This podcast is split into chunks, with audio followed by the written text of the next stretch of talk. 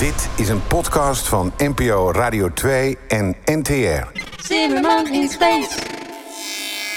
Neutrino's, die kleine raadselachtige deeltjes, zijn wel eens vaker aan bod gekomen in deze column. Aha, ja. Wat is ook alweer een neutrino? Ik ben het even kwijt. Laten we dat eerst bespreken en dan iets nieuws erover vertellen. It seems hard to believe. Bijna een eeuw geleden werd het bestaan van een nieuw deeltje geopperd om berekeningen aan radioactief verval, ook wel beta-verval, kloppend te maken. Everything is going to be all right. Het was de natuurkundige Wolfgang Pauli die dit deeltje nodig had, omdat er anders energie weglekte uit zijn berekeningen.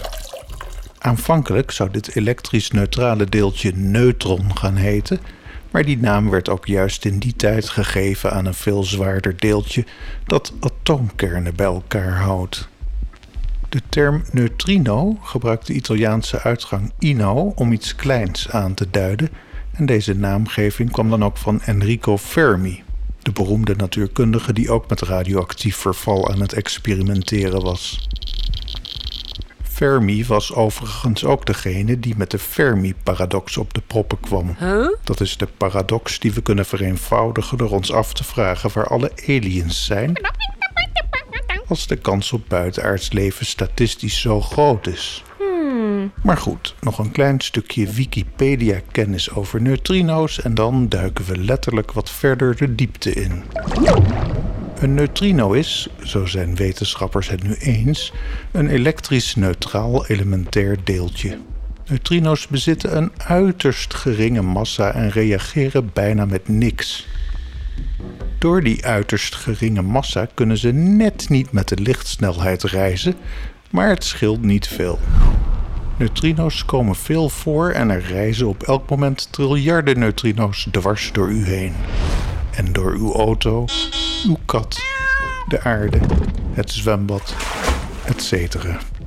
Om toch neutrino's te kunnen detecteren is er veel geld en ook veel geduld nodig.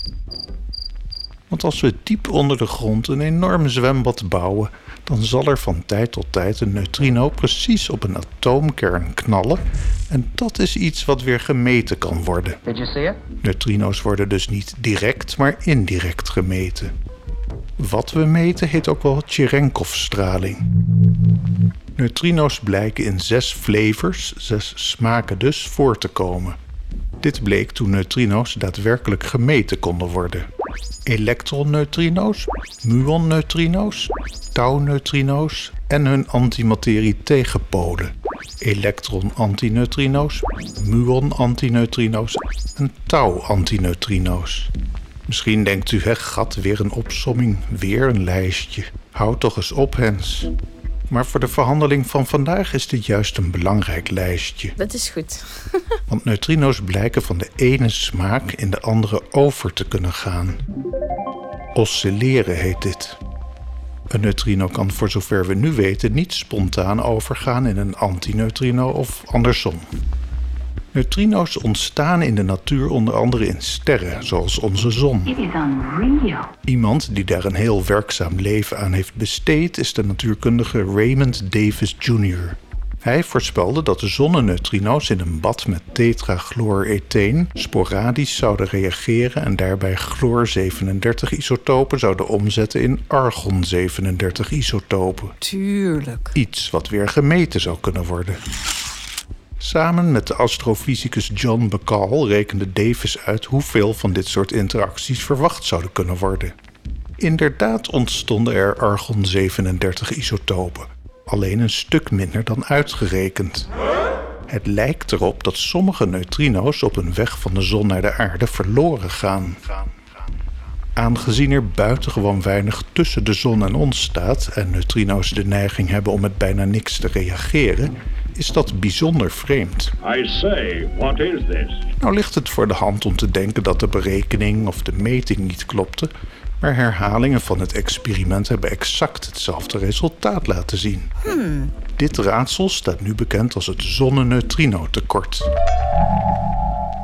En er is nog een vergelijkbaar neutrino-raadsel. Onze aardatmosfeer wordt continu gebombardeerd door kosmische straling. Cosmic radiation. Dit proces wordt redelijk goed begrepen en daarbij moeten per elektroneutrino twee muonneutrino's gemeten kunnen worden.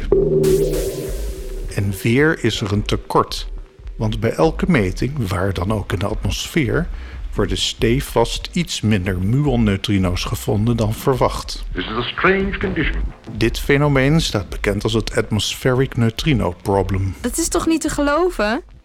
Even terug naar die verandering van de ene neutrino's maken in de andere. In 1998 werd dit overduidelijk gemeten in de Japanse neutrinodetector. Hier vinden we diep onder het aardoppervlak een zwembad met 50.000 liter water, waaromheen een veelheid aan detectoren speurt naar sporadische interacties tussen neutrino's en atomen in het water. Bij zo'n interactie komt zoals gezegd een beetje Cherenkov-straling vrij en die verraadt zelfs de richting van waaruit een neutrino het zwembad naderde. En zo kon onderscheid gemaakt worden tussen neutrino's die vanaf het aardoppervlak van dichtbij kwamen versus neutrino's die dwars door de aarde gereisd hadden. En die laatste categorie bleek meer van smaak te zijn veranderd dan de neutrino's die van dichterbij kwamen. Vanwaar eigenlijk die interesse in neutrino's? Leg dat nu nog maar eens uit, zodat ik het ook begrijp. Nou, deze enigmatische deeltjes kunnen mogelijk licht werpen op een van de grotere raadsels van ons heelal. En dat is waarom we er überhaupt zijn. This is the real thing tonight. We kunnen de vraag ook herformuleren. Als bij het ontstaan van het heelal gelijke hoeveelheden materie en antimaterie ontstonden, Yes, they did. waarom hieven deze elkaar dan niet onmiddellijk tot precies nul op? Waarom zien we in onze nabijheid zoveel materie en zo weinig antimaterie? Bizar. Twee natuurkundigen, Alicia Marino en Erik Zimmerman, stellen dat er een subtiel verschil bestaat in hoe neutrino's en antineutrino's van de ene smaak naar de andere oscilleren. Spoel eens even terug, Hens. Oké. Twee natuurkundigen, Alicia Marino en Erik Zimmerman, stellen dat er een subtiel verschil bestaat in hoe neutrino's en antineutrino's van de ene smaak naar de andere oscilleren. En zo'n heel klein verschil kan op de grote schaal van ons heelal precies de reden zijn dat deze deeltjes elkaar niet op konden heffen en er een discrepantie ontstond tussen materie en antimaterie. It looks like you lost another one. Wat voor ons weer heel fijn is, want anders zou u nooit op vakantie kunnen. Eh, even kijken. Het artikel van Marino en Zimmerman stamt al uit 2020 trouwens. U zult begrijpen dat er dus grote interesse bestaat in het bestuderen van zowel neutrino's als antineutrino's. Een probleem is echter dat het lastig tot onmogelijk is om het verschil tussen reguliere neutrino's en antineutrino's te meten in de huidige detectoren. Met één uitzondering. In 1959 voorspelde de natuurkundige Sheldon Glashow dat bij een botsing tussen een elektron en een antineutrino in sommige omstandigheden een W-boson, dat is weer een elementair deeltje, vrij kan komen. Die omstandigheden zijn dat de antineutrino buitengewoon veel energie bezit. Meer dan we op aarde kunnen opwekken in deeltjesversnellers. Dit gebeuren staat bekend als Glashow resonance en werd nog nooit gemeten. Tot vorig jaar precies deze interactie werd gevonden in neutrino-detecties uit 2016 in het zogenaamde Ice Cube-experiment in de Zuidpool van onze planeet. Ice Cube is weer een andere neutrino-detector die in plaats van vloeibaar water waterijs gebruikt om neutrino's op te sporen.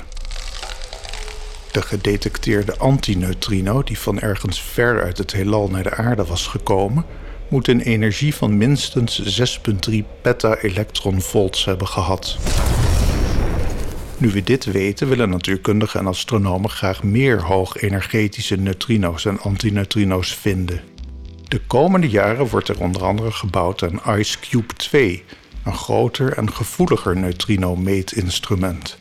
En zo worden steeds nieuwe segmenten van de grote raadsels van ons heelal ontrafeld. Tot de volgende keer. Dit was een podcast van NPO Radio 2 en NTR. Seems almost a message coming from space.